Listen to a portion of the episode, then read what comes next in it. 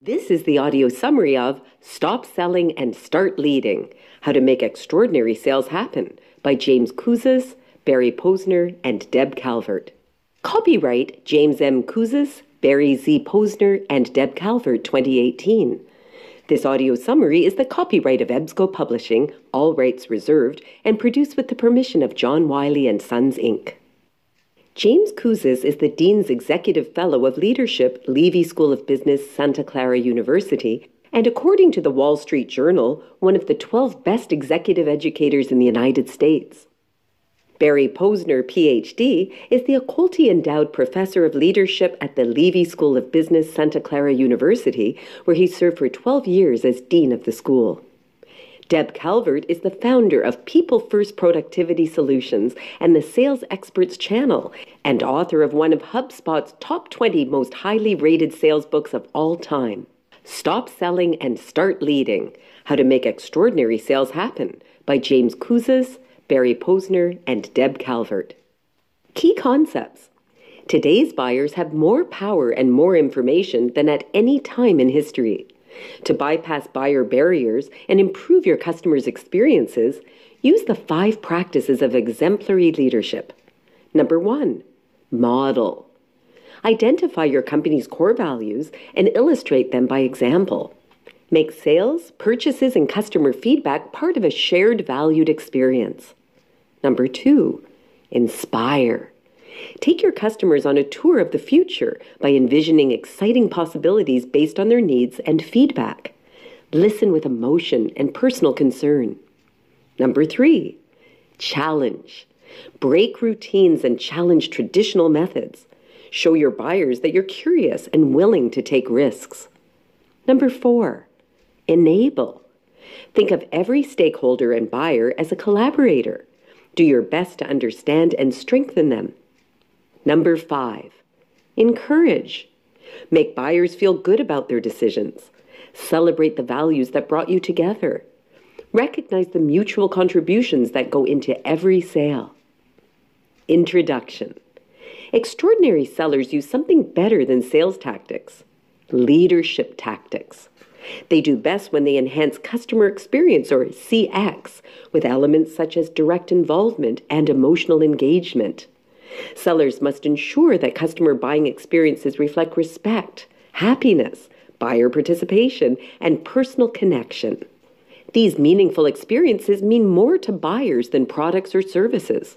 As James Kouzes, Barry Posner, and Deb Calvert point out in Stop Selling and Start Leading, buyers don't want sellers. They want leaders who provide them with a positive CX. Practice 1 Model the way. To connect with customers, you need to transition from the traditional methods of selling to methods that project your values and beliefs. Leaders show by example and they practice what they preach. When you model the way, you give buyers a reason to believe that your company offers the best price, service, and product on the market. Your company's voice demonstrates the company's ideals, values, and actions. Use the following principles to model the way and find the best voice for your organization. Clarify values. Start by finding your core beliefs. Use these to build a voice that reaches out to those with similar values.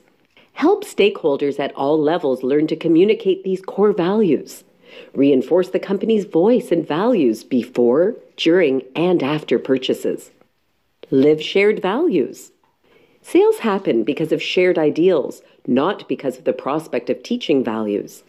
Customers like products and companies that mirror their beliefs and prove these shared values during all stages of the CX. After defining and clarifying your company's values, you must take action. Set an example by making commitments to customers and keeping them. Spend time with buyers. Ask them purposeful questions and listen meaningfully to their responses. Ask for feedback when possible. Tell stories about your company's passions, culture, and beliefs that let buyers know where you stand and, more importantly, that you stand with them. Practice 2. Inspire a shared vision.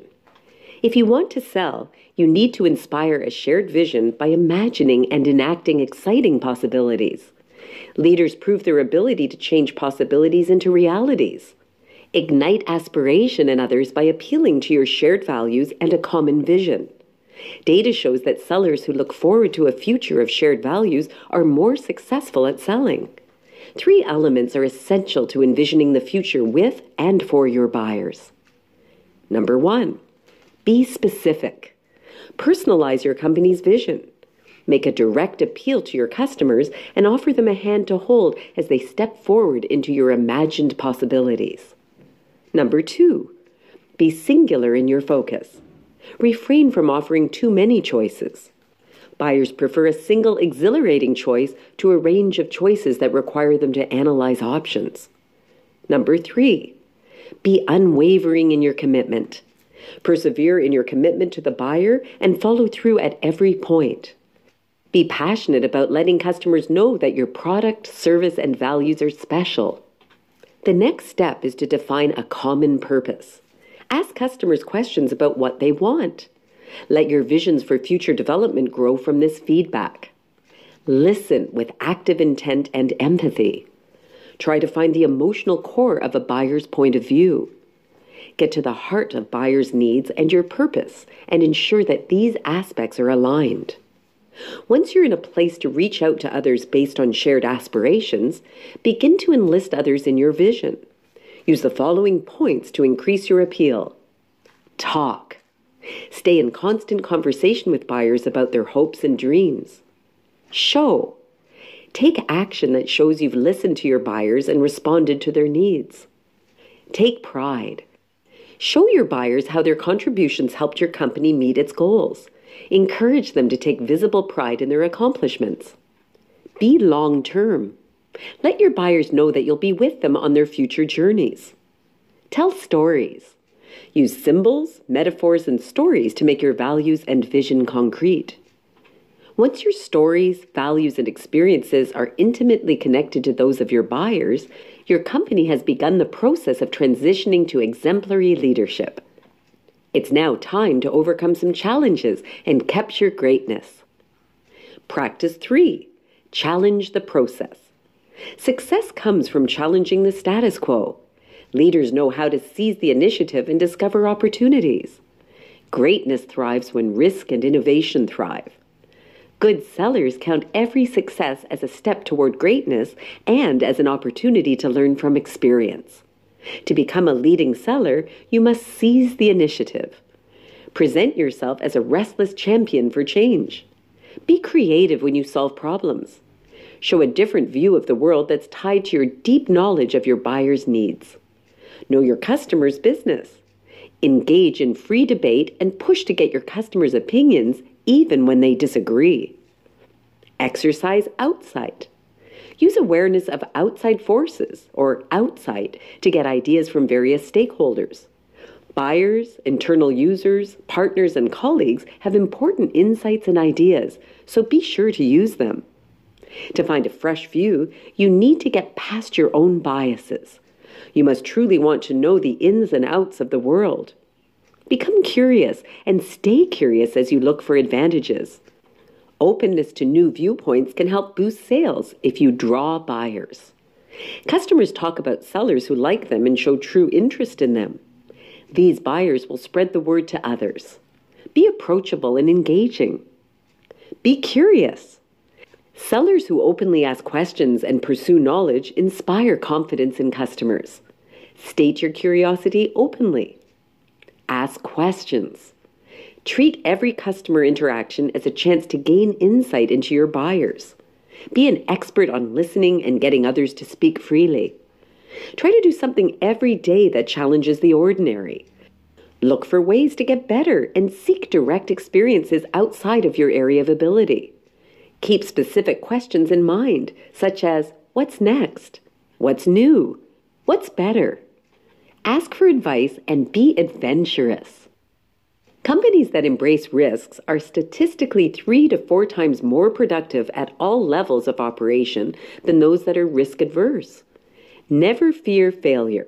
Instead, generate small wins and learn from your experiences as you reach for the heights. Every step along the buying process that a customer takes is a small win, as is each completed internal project, each hire, and each positive interaction with a customer. These small wins add up to greatness. Talk openly about mistakes. Customers dislike and distrust companies that try to hide their errors. Acknowledging responsibility sets a positive standard for your stakeholders and customers. If you seem vulnerable and willing to admit failure, customers will feel you are trustworthy. The more often you ask, What can we learn? the stronger the level of respect will be from your buyers. Practice 4 Enable others to act. Even the best leaders need others to help carry out their plans. Relationships stand at the center of sales. Respect on both sides is what brings a buyer and seller together. Exemplary sellers know how to deliver the awesome experience to buyers time and time again, and they know how to teach others to do the same. The two most important aspects of enabling others to act are fostering collaboration and strengthening others. Collaboration. Every buyer you meet is a potential collaborator. Buyers look for trust and respect, so be sure to exhibit both trust and transparency when it comes to time. Buyers don't want to be rushed about decisions. Show respect by letting customers take their time. Change. Show complete openness when it comes to any type of change. Be available to explain changes and stay on the same page with buyers. Questions. Listen when a buyer speaks. Don't talk over their questions. Opinions. Show that you're interested in your customers' opinions. Take actions that show you're actively engaged and curious. Offer counter opinions to show confidence in yourself and interest in the buyer. Always. Keep the buyer in the loop about everything at all times. You'll never sell if you don't establish trust. Let your guiding principle be we're all in this together. This view is attractive to customers because they want to be informed and involved. Buyers want to know that they can trust you with information, that you take them seriously when they express a thought or opinion, and that you have their backs when it comes to mistakes or mishaps.